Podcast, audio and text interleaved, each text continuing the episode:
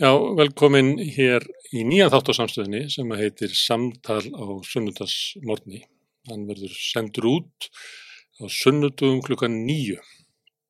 Hann er, þetta er nú stólið formata þætti sem að Ævar Kjartansson, útvarsmaðurinn, var með já, í ábyrlega tíu árið eitthvað á rás eitt. Og það var þannig að var búin til svona sirpur, hann ákvaði að fjalla um eitthvað til því mál, fekk eitthvað svona meðriðarsvein með sér og svo buðu þeir fólki í einstakar þætti. Og með þessu var hægt að, að skoða eitthvað málaflokk en í hvert sinn út frá svona sérstöku sjónarhóli og ef maður fyldi ævari sem að ég gerði oft, að þá hægt og bítandi fekk maður svona góða heildar mynd. Þannig að við ætlum að pröfu þetta hér á samstöðinni, bæði af því að þetta er uh, snjált form á þetta, en líka vegna þess að, að okkur ekki væntum að við kjartarsson. En uh, hugmyndin er þá að, að við tökum fyrir tiltekna málaflokka í einu og við getum tekið heilbriðismál, við getum tekið útverkistefnu Íslands, alls konar hluti. En við ætlum að byrja á máli sem er svolítið heit í dag, sem er verkalýsmál og til að fylgja mér í þessum þáttum hef ég fengið Sigur Pétursson sakræðing til þess að hjálpa mér og hlustundum að glöggva sig á þessu. Já, við ætlum að efna til mikillar umræðu, verkalýsmál frá ymsum hliðum Já.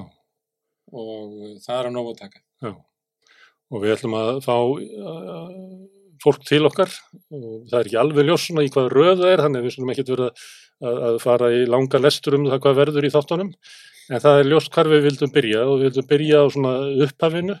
Og þar er Þorlefi Friðriksson, manna fróðastur um upphaf uh, verkalýs barátt á Íslandi, hefur skrifað ja, bækur, tvær bækur um sögu dagsbrúnar til dæmis. Mm -hmm.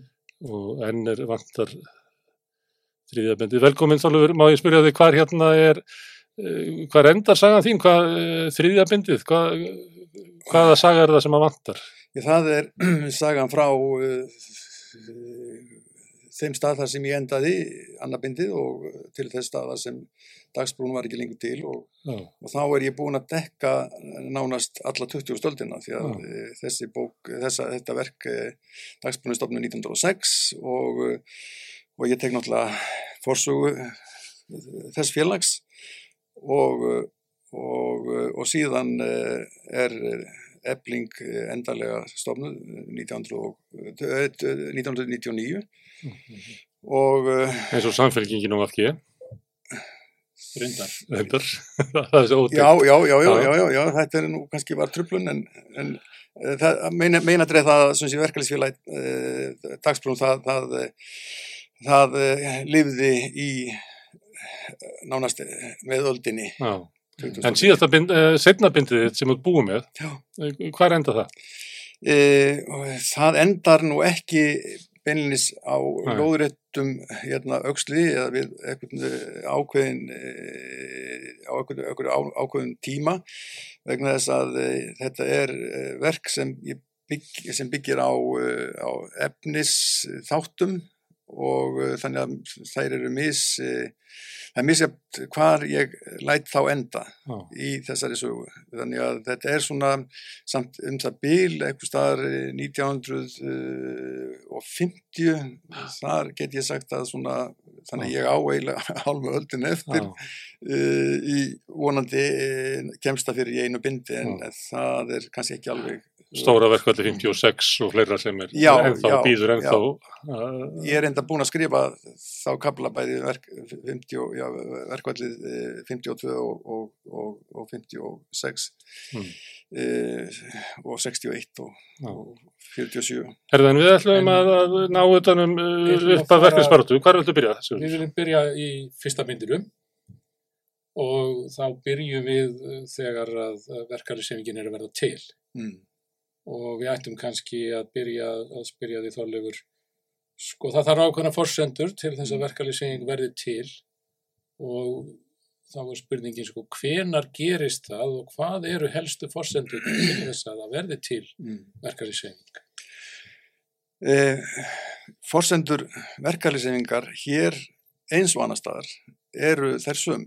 Það er að segja það þarf að vera til e, ákveðið, ákveðið samfélag fólks sem e, við köllum í dag verka fólk, verka líður. Og þetta er fólk sem verður til með byltingunni e, í hinnum stóra heimi, Englandi og annars er í Evrópu og Bandaríkjónum og þessi, þessi fjöldi hann er upphaflega nánast algjörlega Eh, rétt laus. Hann kemur úr sveitónum, streymir til þéttbílisins sem er, eh, menn hafa vonir um eh, og drauma um betra líf og, og góða framtíð og menn fara þá úr sveitinni oft allslaus, allslaust fólk til þéttbílisins og það er reyndar ekki fyrir en svona, við getum talað um það bíl þegar Íslandingar eh, fá eh, verstunarfelsi endanlega 1855 sem eh, við getum fara að sjá svona verulega markvisa hröðun í þéttbílistrónni og e, þannig að við getum séð sömu svipa fórsendur um miðja 19. og við sáum í Breitlandi til þessu miðja 18. Þannig að uh, þetta er, uh, það er þéttbílið og það er, uh, það er að það sé starfsemi í, í, í þéttbílinu þar sem fólk nær saman og hefur tækjaverð til þess að ráða ráðum sínum og, og þetta er sem sé í gróndráttum fórsynda þess að, að verka fólk fari að mynda samfélag. Mm -hmm. Nú er þannig að, og það er forvinnilegt kannski að spjalla aðeins meira um þetta rétt leysi mm. og eh, er verkalýsreifingin þá, eða fyrstu félögin, er þau ansvar við þessu rétt leysi fólks? Mm. Eh, það, hafði, það, hafði, það reði ekki laununum, mm. Eh, kaupmennir sem reði fólki í vinnu, það reði líka verðinu og vörunum sem það seldi þessu sama fólki, mm. húsnæðismál, fólk hafði ekki einu svona kostningarétt sem var eignalöst eða er þetta innflutt hreyfing eða varð hún til vegna aðstæðina? Þetta er nú eh, góð spurning. Ég held að það með svara þessum já, já, uh, já, já bara því að bæði er náttúrulega hugmyndin augljóslega til staðar tæminn sem við höfum frá Evrópu mm -hmm. um verkalýsreifing, verkalýsfjölög sem eru langt komin og í því landi sem okkur stóð næst eins og Danmörk var, var, var e, voru 30-40 ár liðina frá því að, e, því að dagsmunastofnum e, þegar þau hafðu þá verið komið vel að stað með, með verkalýsfélög í, í, í því landi. En um leið eru þær aðstæðar hérna sem Eh, leifa eh, og krefjast þess að fólk fara að tala saman og það er, syns ég, eh, kannski ekki fyrst og ennst launin eins og þegar dagsmunistofnus, þá er, er launin svona um það byrj held ég 25 aurar það var eitthvað undir 25 aurar mm. svona meðal, en það var, var persónlegu samningur milli atvinnurreikenda og hvers og eins og, og þess verkafólk sem var í vinnu þann daginn. Menn var, fólk var, var ekki fastráði, það var ekki til neitt hugtak sem, sem hétt fastráðning. E, fólk var að vísu gáttu sömu verið svo hefnir að vera í fastri vinnu meir og minna en, en það var ekki til sem hétt skilgjörning á því að vera fastráðin með eitthvað rétt sem hétti fastráðning. E, en e, það sem þegar dagsmannastofnuð 1906 að þá uh, settu þeir engar sérstak ekkit rosalega kröfur á uh, launin. Þeir settu mörkin við efri mörk þess sem svona var held ég daldið mikið í gildi. Mm -hmm. Þannig að það er ekki átök um það. En það mætti dagsbúin ekkit mjög hörðri, hörðri mótspyrnu aðunenganda niður annara í, í, í, í Reykjavík. Það sem þeir voru fyrst og reynst að hugsa um var að koma skikki á vinnutíman að mm. það væri ekki hægt að láta fólk vinna fyrir sömu laun ég vil svo sko, sólaringu skipti þess vegna þannig að, mm. að það var fyrst og næst barátunum vinnutíman sem var uh, í hérna uh, var, var grunnur uh, þess að, að félagi var stopnað og reyndar var líka svo að það var búið að koma fram á alþingi frumvarp sem náður reyndar ekki gegn þá skúli Tórótsen sem setti, kom fram með frumvarp 2000 og, nei, 1902 um, um launagreðslur í penningum Mm -hmm. eh, sem eru svona fyrstu laugin sem eru svona beint um hagsmunni verkafólks, getur við sagt já.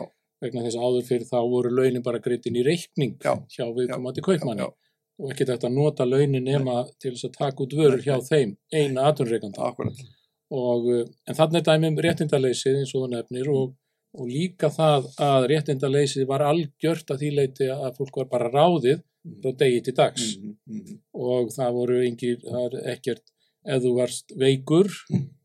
eða að öðrum orsökum komst ekki í vinnuna þá finnst ekki laun mm -hmm.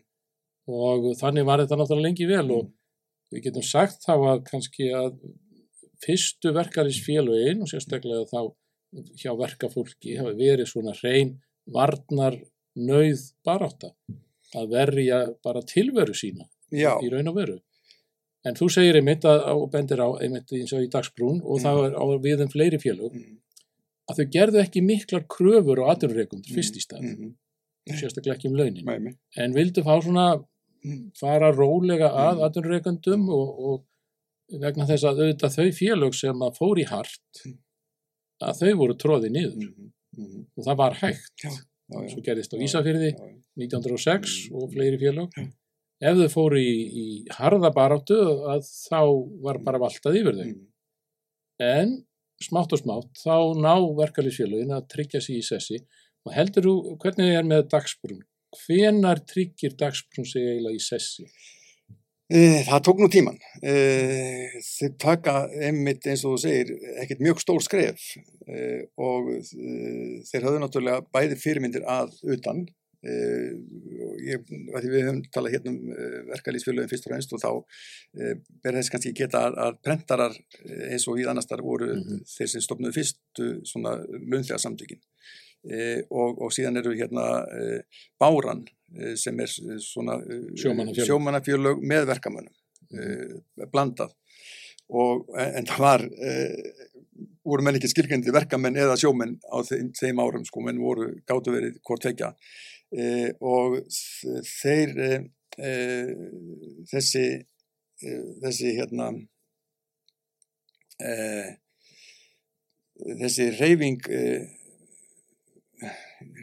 af spurningar aftur Já það er spurningin um, um af hverju þeir voru svona frekar hófsamir kannski í gröfugerðinu til já, að byrja með? já. og hvenar þeir náðu þeim styrk að þóra meiru? Já, það, það er einmitt eh, sko eh, það má sjá svona ímis þrep þarna. E, við höfum sko fyrsta stóra verkvall dagsbúnar var e, 1913 gegn því fyrirtæki sem sáum hafnafrangundunar þegar Reykjavík var, Reykjavík var, Reykjavík var að verða borg bær og það var alltaf engin hafnaðastað og, og þetta eru sem sé þessar fram, miklu framkvæmdi sem hérna voru gríðarlega miklar á þeim tíma. Mm -hmm. e, og þær framkvæmdi stóði yfir frá e, 13, 1913 til 1917 e, og reyndar lengi eftir það en, en e, svona höfni var tilbúin 1917 e, og 1913 verður uh, verkvall, langt verkvall uh, vegna þess að að þeir eh, verkstjórin, danskur vildi ekki eh, greiða eh, laun hérna eftir, eftir hversu lengi mann hefði unnið heldur, eða, eða sé, eftirvinnu eða nættuvinnu, mm. það var ekki til og, og þeir vildu takmarka vinnutíma þeir vildu takmarka við tíu tíma mm -hmm. það þýtti sko tól tíma má segja veru vegna að mat, matur og kaffi sem samanlagt yfir tveir tímar, mm -hmm. það var ekki inn í þessu þannig að vinnu stunduna voru tíu og þú varst meira minna á vinnustanum kannski í, í tólf tíma þá. Mm. E, þetta var gríðarlega hart verkvall og, og það því laugreinda með sigri verkamanna í, um sumarið 1900 og hóstum vorið í april og, og enda ekki fyrir um, um sumarið eftir mjög hörð átök og það verkvall á líka merkilegt fyrir þá sög sko hann að blandaðist svona ákveðins þjóðerniskend íslendinga. Þeir tóku svona dæmi þeir skrifuðu plakota sem þeir eh, hérna, eh, spurðu ætlið, ætlið við að láta danskan hérna kúara eh, standa því að, að fell okkur og, og gera lífi okkar hérna, erfiðar að það er á svona sem beinlinnins verið að draga fram þarna þessa þetta viðhór til Dana Dan, Dana sem, sem hérna hafði verið að byggjast upp í þjóðnis eh, eða, eða, eða þjóðfrelsisbarátu Íslendinga mm. á 19. öld. Því þetta var danst verktaka fyrirtæki þetta sem var, danst, var að byggja já, höfnina og þarna kemur þá inn sko sem er kannski vísar okkur í, í daginn í dag að mm. áróðurinn skiptir alltaf máli já. í, í vinnudeilum og, og, og öðru það skiptir máli hvernig málun eru sett upp en Má ég sljóta inn að því? Að ég skil ekki hérna uh, uh, stjættabartu, eða sérst baratuna þeirra. Já. að uh, var sérst samið eða samið um dagvinnuleun og, og eða fyrstu árin er barátan um það. Að fækka stundunum sem er á baka þessu síkjum. Þannig það er ekki þannig að hafi verið, menn hafi ekki fengið borgað á tíman. Nei, menn, menn vildu fá, menn vildu fá uh, sé, vinnutíman stittan. Já, sem er náttúrulega aðferðið við að hækka við. Og svo ef að þeir vildu þá bæta við að þá er það að borga meira fyrir það. Uh, og í, bara, bara nætuvinnu en, en síðan var eftirvinnan væri dýrari. já, já, já, og það tekur langan tíma þángar til að næturvinnan verður til sem sérdagsti bara 10-20 ár. Já Já, já. það tók lengri tíma. Þannig að bara áttan fyrstu 10-20 árin er fyrst og fremst og þetta. Já, það verður eiginlega uh, má segja að 1930 verður, verður eiginlega stóri sigur nunnin sko, um, um, um þetta. Mm -hmm. uh, en það kostiði náttúrulega uh, mannslífi eða já, það, það var í sko algengasta dö, orsök dauða verkamanna samkvæmt gerðabókum dagsbrúnar uh, á uh, fyrstu árum félagsins fram að 1930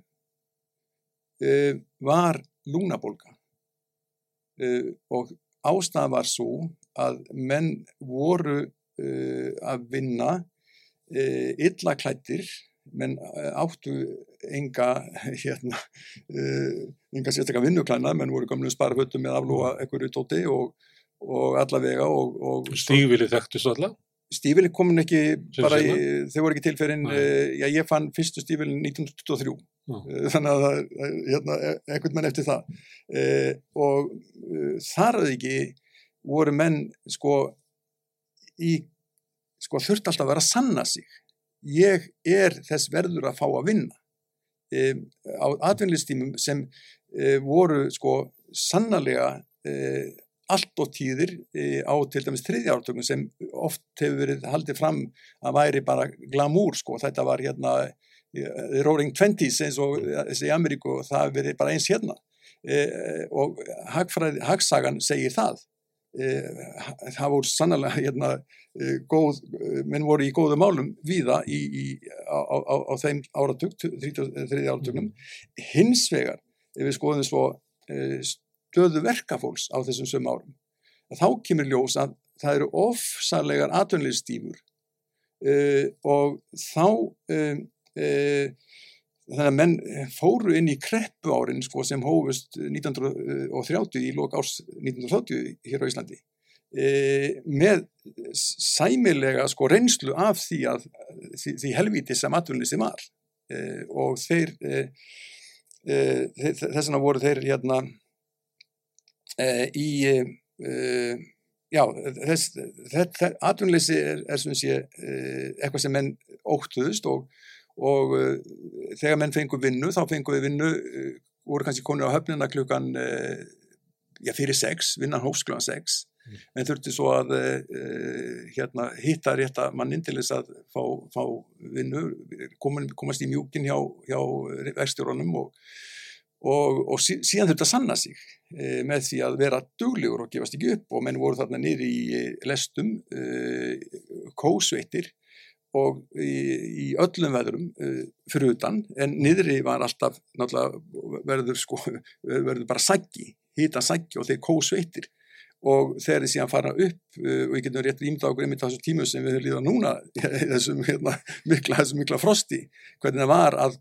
koma upp úr lestónum Eh, um miðan dag mm -hmm. svangir, þreyttir illa klættir mm -hmm. og þannig að menn fjallu niður bara eins og flugur af, af alveg óbóslega eh, hérna háartölur um eh, sem sem sína hversu um, hérna lúnabolgan var skæð á þessum mm. árum og ástæðan er væntilega þetta, þessi mm. við, við höldum aðeins áfram með þetta réttindaleysi og, og, og tökum já. þá kannski hóp sem að var jafnvel ennverð settur og, og það eru konurnar Já. Konurnar sem að þræluðu á, á saltfiskareitónum mm. Eh, þóðu saltfiskin í mm. köldu vatni mm. á vorin og, og jafnvel í frosti á mótnana Já. og breyttu svo saltfiskin út á, á vorin og fram á sömarið og sömnaðu saman. Eh, þær fengu minna borgað en kallanir Já, og oft 50% minna. 50-60% af launum kallan Þegar dagsbrún verður til 1906 þá voru eins og segir orðin til félög yðnaðamanna eins og prentara eh, sjómannafélögin bárufélögin voru orðin til. En eh, síðan eh, fer þá verka fólk að skipilegja sig verkamenn, kallar og konur. En í dagsbrún þá er það bara kallar Já, já, þetta var einn kynjafélag. Hver er uh, skýringin á því að, að í Hafnarfjörði voru bæði konur og kallar já, saman já. í félagi? Já, já. Eh, Dagsmannamenn reyndar, eh, sko, hlýf er stopnuð uh, í Hafnarfjörði uh, 1907, mm -hmm. ári eftir dagsbrún og þeir fengu og stöldust við reynslu dagsmannamanna, þeir fengu aðstóð þar, fengu hérna fyrirmyndina þar og þeir tóku fóru þessu söðurittir frá dagsbrún og gáði þeim ráð og þetta var ágætið samvinna eh, en hlýf var eh, tvíkynja á, á þeim árum voru bara tvö kyn til eh, núna var það að kalla fjölkynja. Nema að þessi hérna e, þetta var eitthvað sem dagsbrúnamenn e, neituðu eða höfnuðu það komið fram tillögur uh, á fundum hjá dagsbrúnu um það að stopna deild hvenna innan félagsins og sumir uh, urðu mjög neyslaðir uh, á þessar, þessari rótækni að ætla sér að draga konur inn í félag uh, verkakalla það myndi, sko, siðferðið í samfélaginu væri nú nóguslæmt og menn væri ekki að draga konurinn í, í, í þetta ágæta félag. Þannig voru viðhórinni á sumum. E, þannig að þetta var e, hérna einnkynja kallafélag. E, hins var konu í ljós, sko, svona þegar líðatók á árin að, að fundinni voru oft ofni mjög leiðilegir. Þá kom svo hugmynd sem var enda samþygt að það mætti kannski auka líf í félaginu því að eh, bjóða konum að koma á félagsfundi. E, og þetta var gert. E, konur fengi að koma á félagsfundi en, en þá bara sitja þar sem, sem hérna og hlusta og það var kannski ekki bara verið að fjalla um eitthvað félagsmáli líka eitthvað skemmt aðriði og þannig að þetta var gæt verið bara gaman. E, en síðan eh, þegar verka konur eh, í Reykjavík eh, þeim var árið ljós náttúrulega að þær ætti, ætti enga séns að komast inn í þetta verka kallafélag eh, þá eh, fór þær að stað sjálfar og stofnuðu sitt eigið eh, félag framsók og það var reyndar gert með stöðningi og, og, og, og aðstóð eh, dagsmannakallana sko, þannig að þeir voru nú ekki og svo var í, í samþýktum eh, begja félaga að, að félagsmyndi begja væru opnir uh, hvora öðrum sko, þannig að konur gáttu komið á fundir hjá dagsmann þó að það myndi ekki hafa atkvæðisett og öfugt. Þannig að þetta var mjög góð samvinna e, millir þessara tekja félag og alla tíð. Það sem ég veit ekki líka nefna með konunnar að konunnar í e, þessari sögu eru e, stórkosla merkilar. Ég hef orðið með tímanum ekki bara í gegnum reynslu mín af sjósundinu sem ég hef fallið fyrir og er orðið svona eins og predikari. Þar eru 80% þeirra sem fara í sjón er konur en eins er það í, í sögunni í hvernig þællins fóru í sveitastjórnarkostningarna 1908 þegar fyrst var mögulegt fyrir, fyrir konur að, að greiða atkvæði og, og bjóða sér fram e, til setjastundar e, og e, þá verða til í Reykjavík sko 17 listar kalla félaga sem kom og, og, og böðu fram. Það kom bara einn list til hvenna en þær fóru bara alltaf öðru í saði en kallanir. Stort félag eins og Dagsbrún og mörg af þessum stóru félagum í bænum fengu engan fulltrúa. En konunnar, þær rústuðu þessu. E, þær fengu alla sína þrjá menn sem þau sett á listan eh, eh, kostna. Eh, og eins það með konur í, í, í verkalýsbarátunni að við nefndum hérna verkvalli 1913 árið á undan hafðu konur í hafnaferði og þú nefndir einmitt eh, laun verkakvenna, þar voru mhm. launin e, e, launkvenna e, voru 12,5 eyri í, í hafnaferði nákvæmlega helmingur af dagskonarlaunum þær vildu setja það upp í 15 öra þá var ekki herra mm. en þessu var hafnað og þær fóru þá í, í verkfall.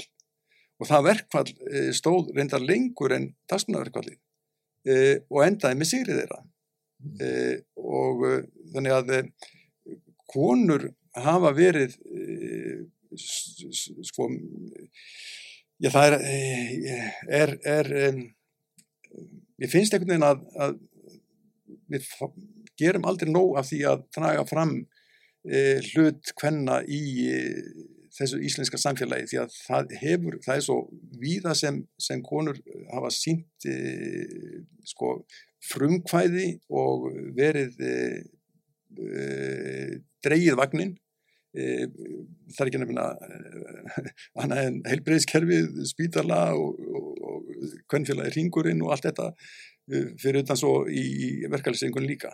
Mm.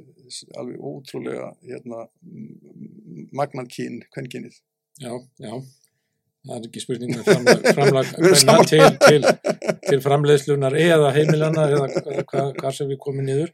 Og þá, þá langar mér líka að, að, að hérna, ræða eitt með þér og það er uh, að verkalýsfélagin til að byrja með voru ekki bara kröfufélag á um kaup og kjör mm. kakkátt aturreikandun, þetta voru líka uh, eiginlega sjálfshjálpar félag uh, ebla samstöðu en líka bæta hag mm með öðru móti heldur en að gera kröfur á aturreikandur mm. e, til dæmis með því að e, rækta karteblur mm. og koma jafnvel upp pöntunafélögum eða einhverju slíku mm. heldur þú að þetta atriði hafi skipt miklu fyrir svona þróun verkefælisfélagana til að byrja með? Já, ég, ég er alveg vissum það að öll þessi Eh, þessi vinna hvort sem hún var eh, hvort hún hefnaðist í, í fyrstu eða ekki að allt hafði þetta mikla þýðingu þetta er náttúrulega þessi e, e, þessi óbúslega vöxtur sem er hérna í Reykjavík e, á í byrjun 20. aldar sko Reykjavík Eh, þennst út hlutastlega meir á árunum frá 1901 til 1910 heldur uh, það, bærin hefur nokkur með gert fyrir og síðar. Það sem sé hlutastlega er þetta ópsar fer, fer úr uh, 6.800 eitthvað slúðis í, í 17.000 11.000 12.000 hérna rétt tíu árum síðar. Eh, og eh, menn eru sem komin úr sveitinni, menn eru með uh, allskins þekkingu þaðan Mm -hmm. og þessa þekkingu getum við nota hérna líka. Við getum alveg gert okkar, við getum rækt okkar eigin karteflu til þess. Svo að verkalýsfélögin eru bara virkjuð eins og til dæmis hérna í, í dagsbúinu það það er mjög fljótlega sem þeir fara að, að hugsa við getum gert svo margt sjálf, við getum til dæmis uh, uh, fengið garðskíka um, og menn fengu það. Sem núna eru gamligarður hérna íbúðir Stúdenta. stúdenda þar var garður sem dagsbrún átti og sá garður sá, sá garður menn fengu það að gjöf frá, frá bænum og menn gátti síðan selta síðar á mjög góðu verð þegar húsi var reist og það var síðan upphafið að e, verkfallsjóði dagsbúnar e, og og menn voru með sem sé við stofnaði félag eitthvað mann í kringum 1920 sem þeir kolluðu samningsvinnuna þar ætluður að hafa verktaka vinnu við höfnina uh, og, bjóða bara í verk og geta það ráðið sjálfur því þau launu sem, sem uh, verkamenn tækju. En þetta félag var ekki langlýft. Þetta var góð tilraun sem menn hérna prófuðu og, og það var ekkit úr því. Eða ekki, þetta var ekki lang, langlýft félag. En, en voru líka að spyrja sér býtu, getum við ekki líka gert eitthvað saman til þess að eh, ekki bara rækta karteblur og, og fá okkur vinnu heldur til dæmis hvað var það hýbíli getum mm -hmm. við eh, bætt hýbíl okkar eh, fólk hafiði nú ekki voru miklu að velja þegar það kom úr sveitinni það voru og þá syns ég á þessum árum var sennilega 70% allra íbor Reykjavík í leiguhúsnaði og það var allt lykt, það var óbúsleg húsnæðis ekla á laungum tímum ég vil svo að á 1916, höstin 1916 sko, þá þurfti fólk að á, á fardugum á hausti svo að kalla henni í borginni mm -hmm. þá var fólk svoandi bara hérna í, í, í, í skumaskotum og Í, á, á einhverjum farsóttarheimilum og bara það sem það var undir, ekki búið að tryggja sér húsnaði fyrir veturinn. Nákvæmlega vegna það var ekki búið að tryggja sér húsnaði það var ofsalega er margar uh, lýsingar til á uh, þess, þessar, þessum aðstæðum uh, fólks við þessar sem sé á, á, á hérna hvað var þar húsnæðismál og þess vegna fóru þeirra pæla í því að það væri nú kannski að gera eitthvað uh, uh, í málunum. Um, uh, það má segja kannski að Spánskaveikin 1918 hún hafi verið allir kvati að því að menn horfðust í augu við svona þessar aðstæður eins og þeir voru hjá svo mörgum vegna þess að uh, þá eru sjálfbólega sem fara hús úr húsi uh, þannig haustið 1918 uh, og eru að reyna að, að hjálpa fólki sem var degjandi eða dáið eða fjölskyldu sem voru í verulunum vandraðum, var, var náttúrulega ríkalegt ástand sem blasti við þessum hjálparsveitum uh, og uh, í framhald af því að þá stopna menn uh, 1919 og ég held að það tengist með þessari þekkingu vegna að þetta er margir af þeim sömu mönnum sem voru í, mjög, mjög virkir í hjálpastarfinu mm. að þeir eru svo í fórustu fyrir því að stopna hérna húsfélag alþýðu Uh, og þeir byggðu reyndar uh, þrjú hús uh, á, á næsta ári. byggingarsaminu félag á landinu nákvæmlega, já, já. Svo að hús eru við Bergþórugutu já, já, já, eitt stendur einn og er, er, er leikskóli. Já, já, já. og er náttúrulega fríðað og það var, en, en það er svona, beinir okkur kannski líka að öðru og það er það að, að, að verkalýsfélagin hafði svo annað ráð. Já. Í viðbót og það var að taka þátt í kostningum já, sem þau byrja að gera mjög fljótlega. Og síðan uh, 1916 mm, taka sig saman félög uh, háseta, mm, uh, verkamann, verkakarla, verkakvenna mm, og yðnaðamennafélög, Mm, tvö mm, og stopna Alþýðsamband Íslands. Já. Og uh, þá er sem sagt Alþýðsambandið bæði verkalýssamband mm. og stjórnmálaflokkur. Þetta er, var, auðvitað þekkt uh, svona fyrirmynd frá öðrum þjóðum. Mm, en, uh, en uh, þessi hugmynd og, og við skulum segja svo að, að, að verka fólk eigi að taka til hendinni og, og hafa áhrif á stjórn bæjarfélaga og landsins eru þetta hluta á jafnaðastefnunni, mm. sosialismannum já, já, og uh, það verða koma sem sagt hingað í fórustu verkefælisfélagana Mm. eru einstaklingar sem hafa kynst jafnaðastefnunni í útlöndum mm, og uh, alþýðuflokkurinn Mm. og alþýðusambandið, þeir láta strax til sín taka 1916 í kostningum mm, og ná nokkur um árangri. já, já, En um, þetta er það bara allt eftir svona bókinni, getum við sagt, að, að- að ná fram áhrifum á þessum tvennum sviðum. mm, En um, stundum er, er svona greint á milli að um, sumstaðar uh, hafi flokkurinn og reyfingin verið svona þróast jafnliða Mm.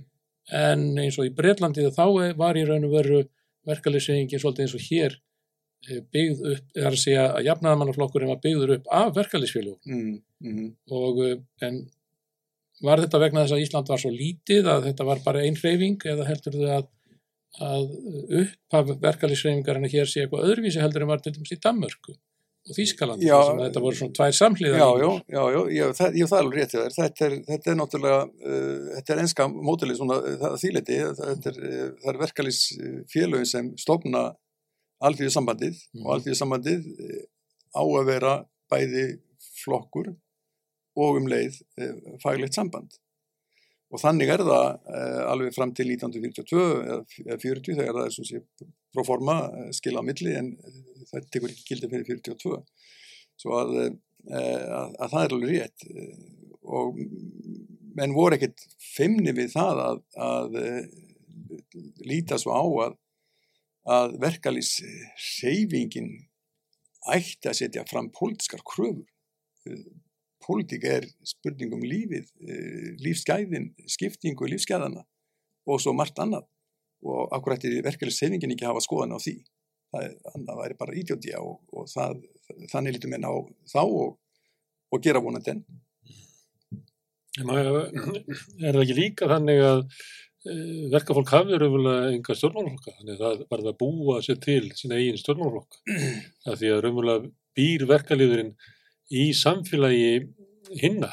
Mm. Allt í samfélagin er mótað af borgarastjættinni, jú, öll umræða, öll skemmtun, jú, jú. uh, kirkjunar meiri sér að það situr yfirstjættin upp við hérna, alltarið, það er allt, uh, þú ert bara gestur í samfélagi annara jú, jú.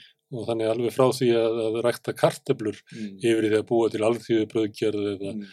eða búa til alþýðu hús þar sem er, við getum farið á skemmtun á þess að vera sko litið niður á okkur að, að þetta er eiginlega fólk sem er eiginlega bara að búa sér til Mm. heim þar sem að það getur verið á, á heimavell ég heldur að getur ekki hafa tengst því líka þegar flokkurinn er stopnaði frekar heldur en kannski svona hugssjónir um það að þarna væri pólitískur armur reyfingar.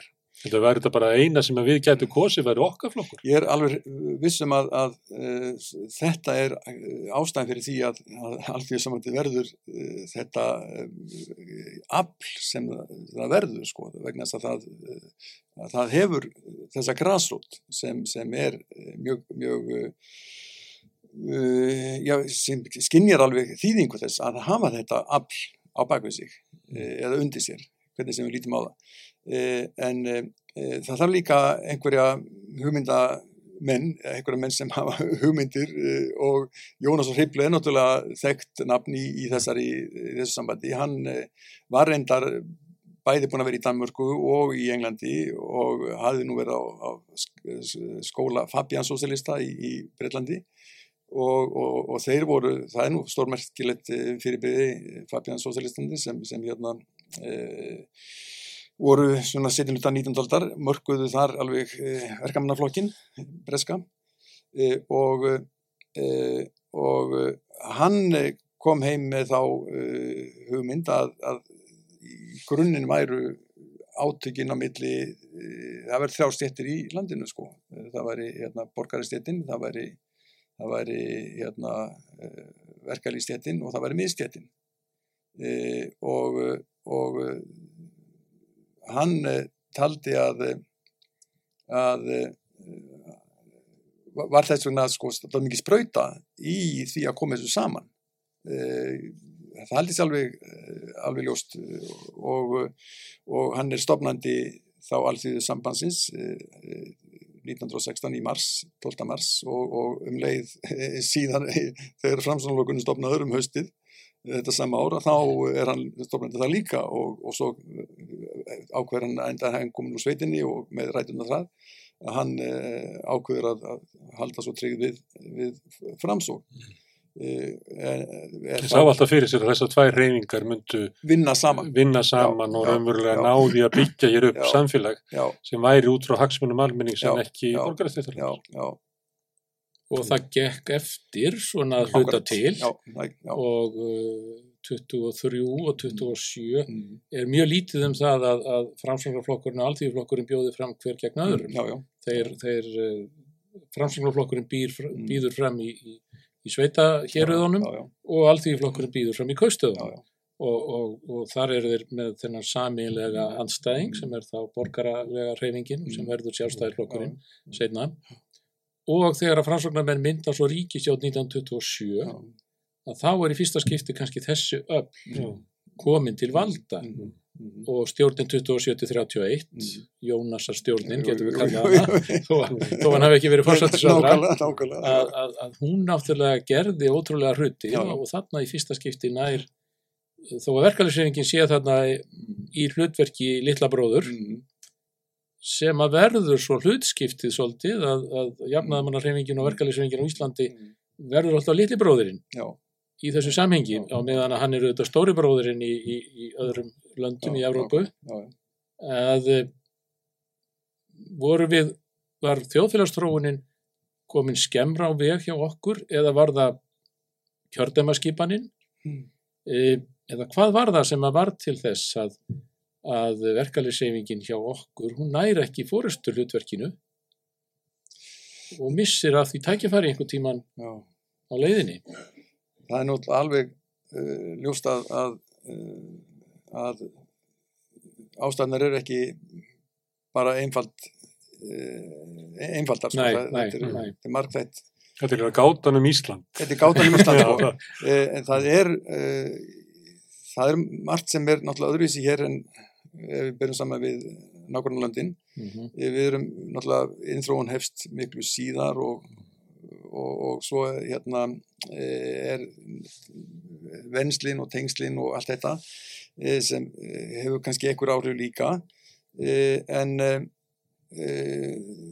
þegar við skoðum sko alþjóðu sambandið og, og styrk þess þá reynda að skrifa ég nú mína dóttarsvíkir um kratana um, um alþjóðu flokkin og mm -hmm og uh, það var nú kannski ekki alveg, menn voru ekki alveg sáttur við hana margir hérna á Íslandi en svo hafa aðrir verið hérna þeimur sáttari og eins og gerist um verkmanna uh, sínum augum lítu hver silfrið. Uh, þetta var allavega en þar er ég að fjalla um hérna alþýðflokkin fyrst ræmst og samskipti hans við e, bræðraflokka sína eða sýstraflokka í e, nákvæmlega í Skandinavíu fyrst og fremst og reyndar í Evrópu líka.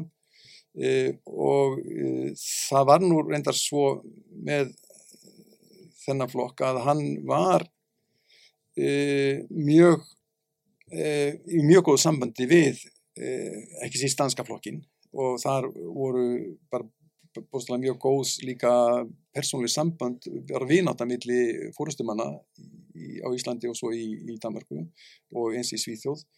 Uh, og uh, þegar síðan líður á uh, þriðja áratvín að þá er komnir, komnar upp svona nýjar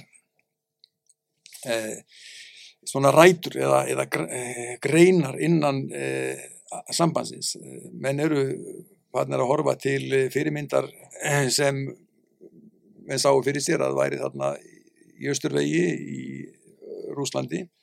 Bildingi þar 1917, hún, hún hillar mjög marga það er og kannski ekkert óeirlegt að menn hafi séð þar vonir um að það veri nýtt samfélag að fæðast, samfélagi réttlætis og, og, og jafnaðar. Og Sovjetríkin þau eru síðan stopnud 1920 sem sé það er þá sem þetta rennur saman í, í, í eitt ríki. Og Um, uh, Komintern hafði verið stopnað í alþjóðsamátt kommunista 1919 og, og uh, Íslendingar verða þáttekundur með Ólaður Fridriksson uh, Ríðstjóri Alþjóðblasins mm -hmm. gríðalegur svona áróðusmaður og, og, og að mörguldi stórmerkilegur maður hann, hann fór á Kominternþingið 1921 og kom tilbaka með ungan dreng sem hann alltaf sér að e, taka í fóstur, e, Nathan Friedman. E, hann var, þá var svona borgarastyrjöld í Sovjetríkjón, í Rúslandi, já, í, í Rúslandi mm -hmm. og, og hann, þessi drengur, hann var til þess að í Reykjavík var nánast borgarestyrjöld hausti 1921 Kalla kvítastriðið Kalla kvítastriðið e, e, og þannig er þau kominir upp sko sem hérna hallast að Moskvu. E, það gerur krata líka í byrjun í Evrópu, menn fóru að fylgjast með þarna, þetta er spennandi, þetta er eitthvað sem er að gerast þarna. En svona þegar líða tók á þriðárþegin sérstaklega að þá hérna Lenin deyr 24 og Stalin tekur við svona fljóta upp því og, og það er verður ægreinlega að þetta er að þetta er ekki alveg þá ströymur sem menn sáu fyrir sér. Það er margi sá að þannig og, og norðanir kratar þeir fóru svona að taka já svona eða hvert skrifa á hættur öðru svona í, í, frá þessum hugmyndum þarna. Og e, þeir fóru þá um leið að reyna að hafa áhrif á e, flokkinu á Íslandi. E, og það verður mjög ábyrjandi að á þrýða ártögnum að þeir vilja hafa daldið áhrif á það hvað skoðanir hérna eru ríkjandi innan, innan nú er ég að tala um flokkin sko mm -hmm. stjórnmálarhefinguna og, og, og það er e, þannig að ég, ég seti fram þá e, sé, e, tilgátu að þessi miklu áhrif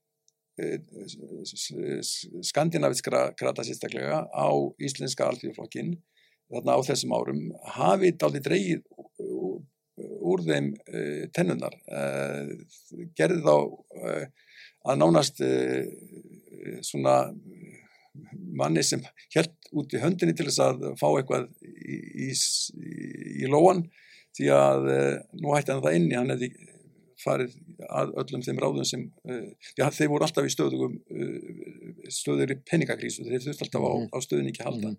þannig að þetta var aldrei mikil skuggi á uh, alltíðurflokknum Þannig er þá einn þátturinn telurðu í, í þessari ég held að, að, að, já, vegna þess að ég held að jafnarmannarreifingin hér varði ekki eins sterk eða eins öflug já.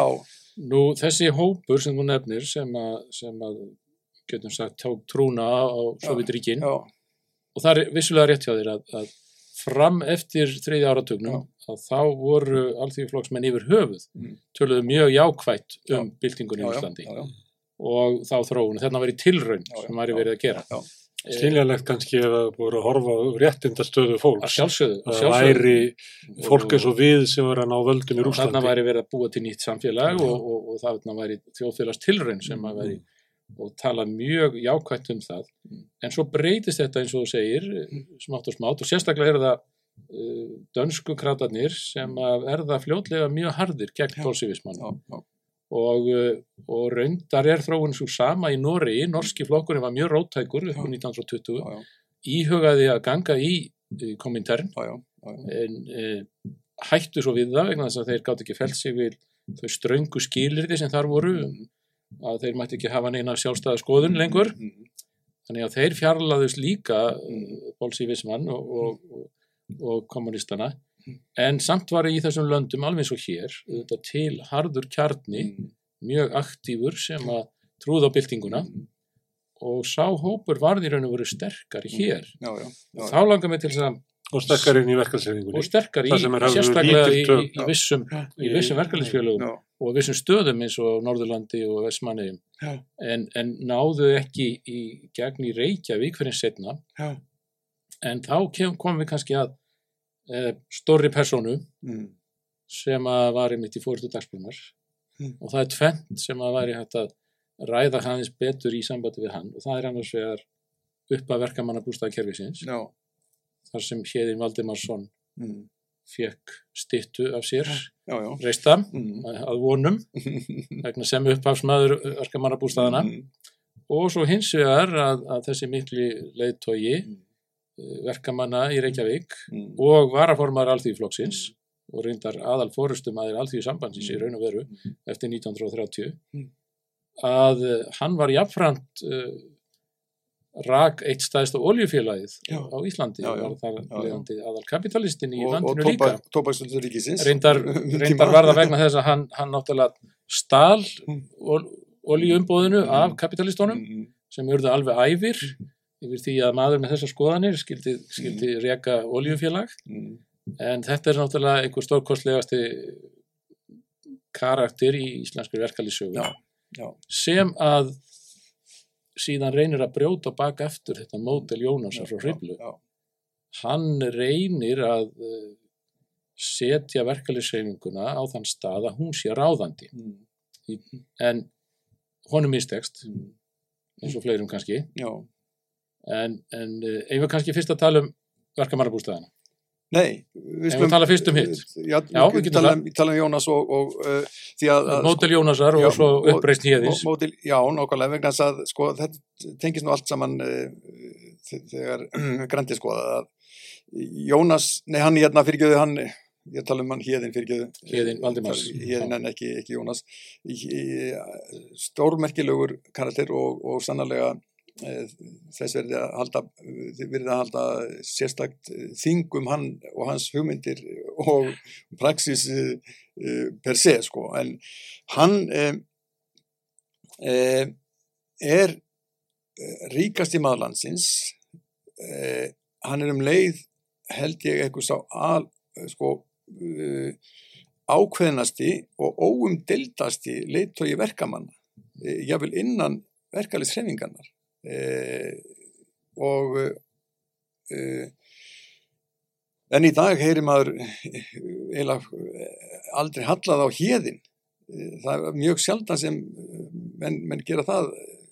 Ég hef allavega ekki, ekki heyrt það mjög oft eh, að, að hann væri gaggrindu fyrir yfirleitt einni neitt eh, nema frekjuna, hann var var rosalegu skapmaður og Barði Friðriksson sagði mig það þegar hann uh, fór með honum í bílstundum, bíltúr að, að það var alltaf uh, voru stundir sem hann óttaðist mjög þegar hérðin banum að bauðunum að koma í bíltúr því að hann átti það til að ef einhver fór fram úr honum að þá gaf hann allt í botn og, og, og vildi nú sína þeim sem fór fram úr að það skildi hún ekki vera neitt að ypa sín eitt sko.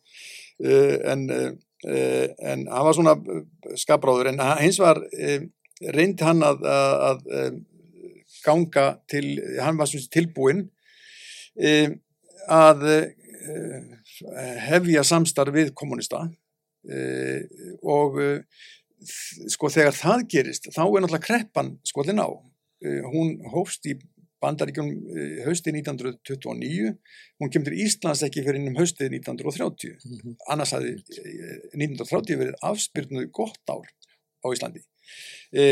E, e, en e, þegar við erum að hugsa um hérðin og, og, og, og dagsbrún að þá skulum við líka minnast þess að þó hann hafi verið ríkastur allra Íslendinga þá var var, var félagið samsett af fyrst og reynst fátöku verka fátökum verkamönnum með stóra fjölskyldum margir. Og á þessum þriðja, á fjórðáratögnum þegar kreppan er skólinn á hérna og atvinnleysið e, orðið mjög nýstandi e, kallt og, og, og erfitt að þá er að menn að koma frá Sovjetíkjón í heimsók á, uh, til Íslands eftir að hafa verið í, í, í bóðsferð til dæmis. Og það er mjög aðeinsvægt að sjá sé, í gerðabókum þegar þeir eru að lýsa því þeirri paradís sem þeir fengu að sjá þar.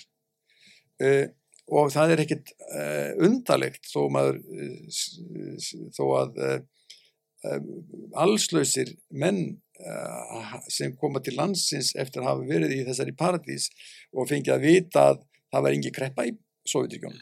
Það væri bara hugtak sem var ekki til. Framleyslan ykst með meiri hraða en annar staðar þekkist. Vinnudagurinn er aðeins 7-8 stundir.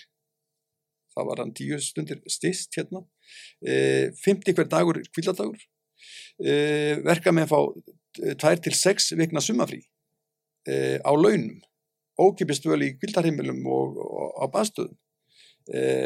Og ferðir þangaðir og ókipis fullkomna sjúkra, elli og slýstringar þegar maður heyrir á fundum um samfélag þannig út í heimi sem býður verkafólki upp á þetta fyrir utan það að þeir eru svo hérna í Moskvu um miðja, miðjan fjóða áratugin 1935 þá held ég að, að hérna metróringurinn neðanerðar lestakerfið hafi opnað og þeir sem hafi komið til Moskvu Glæsilegast að neðanjarða kerfi í heimi. Ekki spurning, það er ennþá bara eins og enn þann dag í dag. Enn þann dag í dag sko. Kirkjur og ná, nákvæmlega kirkjur mm. almannar ímisins og, og það sem, þetta er bara bóð, bóðstæðlega óður til verkamannsins hins vinnandi manns, mm. mentafólks sammenninguna og allt þetta.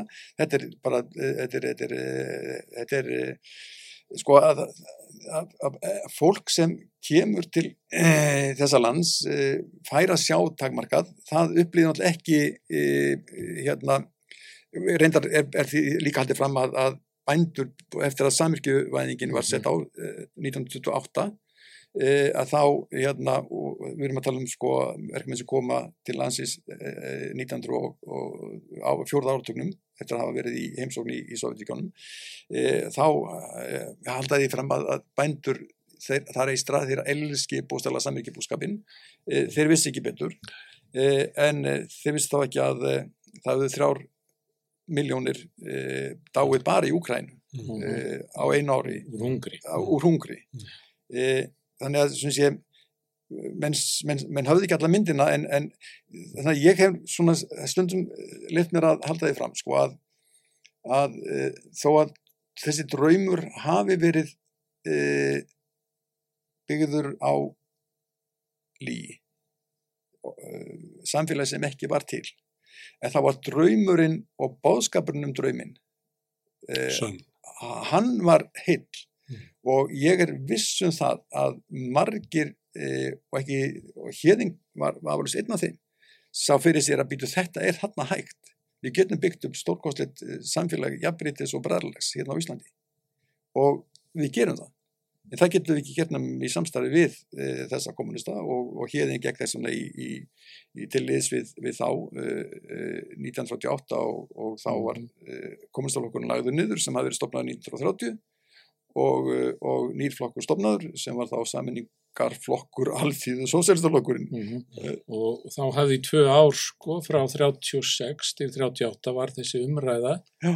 í gangi og mjög, mjög öflug á aðeins í þingum. Stór hluti alþýðuflokksmanna virtist tilbúin Já. til samstarfsvið kommunistöðum að byggja eina hreifingu en eh, sem var þró ekki. Nei. En, en hérðin var hins vegar náttúrulega sá maður sem var mest nýttur niður af kommunistum fram til 36 þeir, þeir deildu að hann alveg harkalega já, já, fram að þeim já, tíma og, og hann hefur ábyggilega sko séð í gegnum, hann var náttúrulega viðlesin maður og, og sá öruglega í gegnum þessa, þessi leiktjöld sem að Þorbergur Þórðarsson og Haldur Lagsnes sá kannski ekki í gegnum. Já, já. en, en hann ábyggilega samt var uh, þannig taktíker. Mm. Hann sá það að ef verkefliðsreyningin ætlaði að ná einhverjum völdum í landinu þá yrði að hafa kommunistana með Mm. og það var ábyggilega rétt mat hjá hann vegna þess að það mistókst svo Mm. Já, já, og við súpumenn kannski Og segið þar, að með markmið mistóst. og það, mar- já, það, Já. það í raun og Náðist mistókst ekki. það slitnaði líka upp úr samstarfi já, já, kommunista og, og hérðins bara Já. einu ári setna já, já, en, eh, en hérðin var nú samt búin að koma í gegn lögum um verkamannabústæði já, sannlega, og ég vil endilega fá að koma inn á það líka. Já, já, Eh, Er þetta ekki einn ein af stóru sigurónum hjá verkefæli segjungur í landinu? Jú, Á þeim tíma ég held að það sé alveg tímalust að þetta var ofsalega stórt skref þó að það í sjálfur sér ekki verið stórt í, í formi sko margra íbúða eða lausna fyrir marga sko. En, Mm. en það var bara þessi fyrirmynd, þetta var eina af þessum fyrirmyndum sem við þurfum að hafa. Því að þessar íbúðu sem þarna voru reistar eh, á eh, frá 28 til 31 var, var hérna, fyrst, fyrst áfangin eh, þá eh, þær reyndust uh, svo velhefnaðar. Þetta er náttúrulega báhásreifingin uppalega sem uh, Mhm. leggur grunninn að þessari gerð húsa. Og ég hef nú stundum sagt sko að, að fungis stílinn uh, hann er í sko dæmi um, það er í fyrsta sinn sem uh, uh, arkitektúr er bóstanlega sniðin að þörfum almúafúls og það er sem sé með uh, báhásreifingun í já. og, og fungis e, og þessi e, ákvörðun sem er samþitt hérna á Íslandi í samstarfi ymitt hérðins og, og Jónasar og Jú, það það var gott á millið þeirra. að, að það uh, gegn og aldeilis uh, hérna vel en það sem uh, og þá hefði verið gerð reyndar eh, rannsókn á eh, stöðu húsnæðismála í Reykjavík Mhm.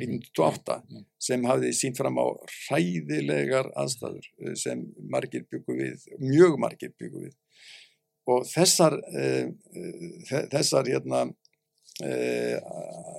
þessar aðstæður þær, þær uh, menn vildu breyta og, og, og fá hérna uh, nýja, nýja gerð húsnæðis en fyrstu teikningarnar eh, nú kem ég aftur á konunum Mm.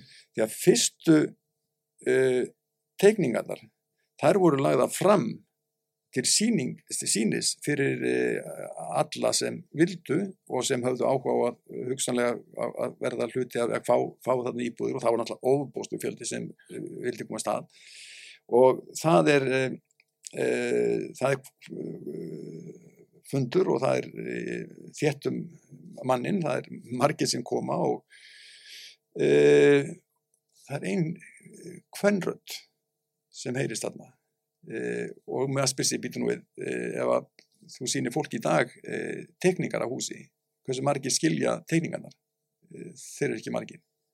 En það er ein kvennrödd þarna. Hún eh, hafiði skinnið alveg þessar tekningar hún átti sig strax á býtu það er ekkert hérna ekkert bað þarna eða eitthvað.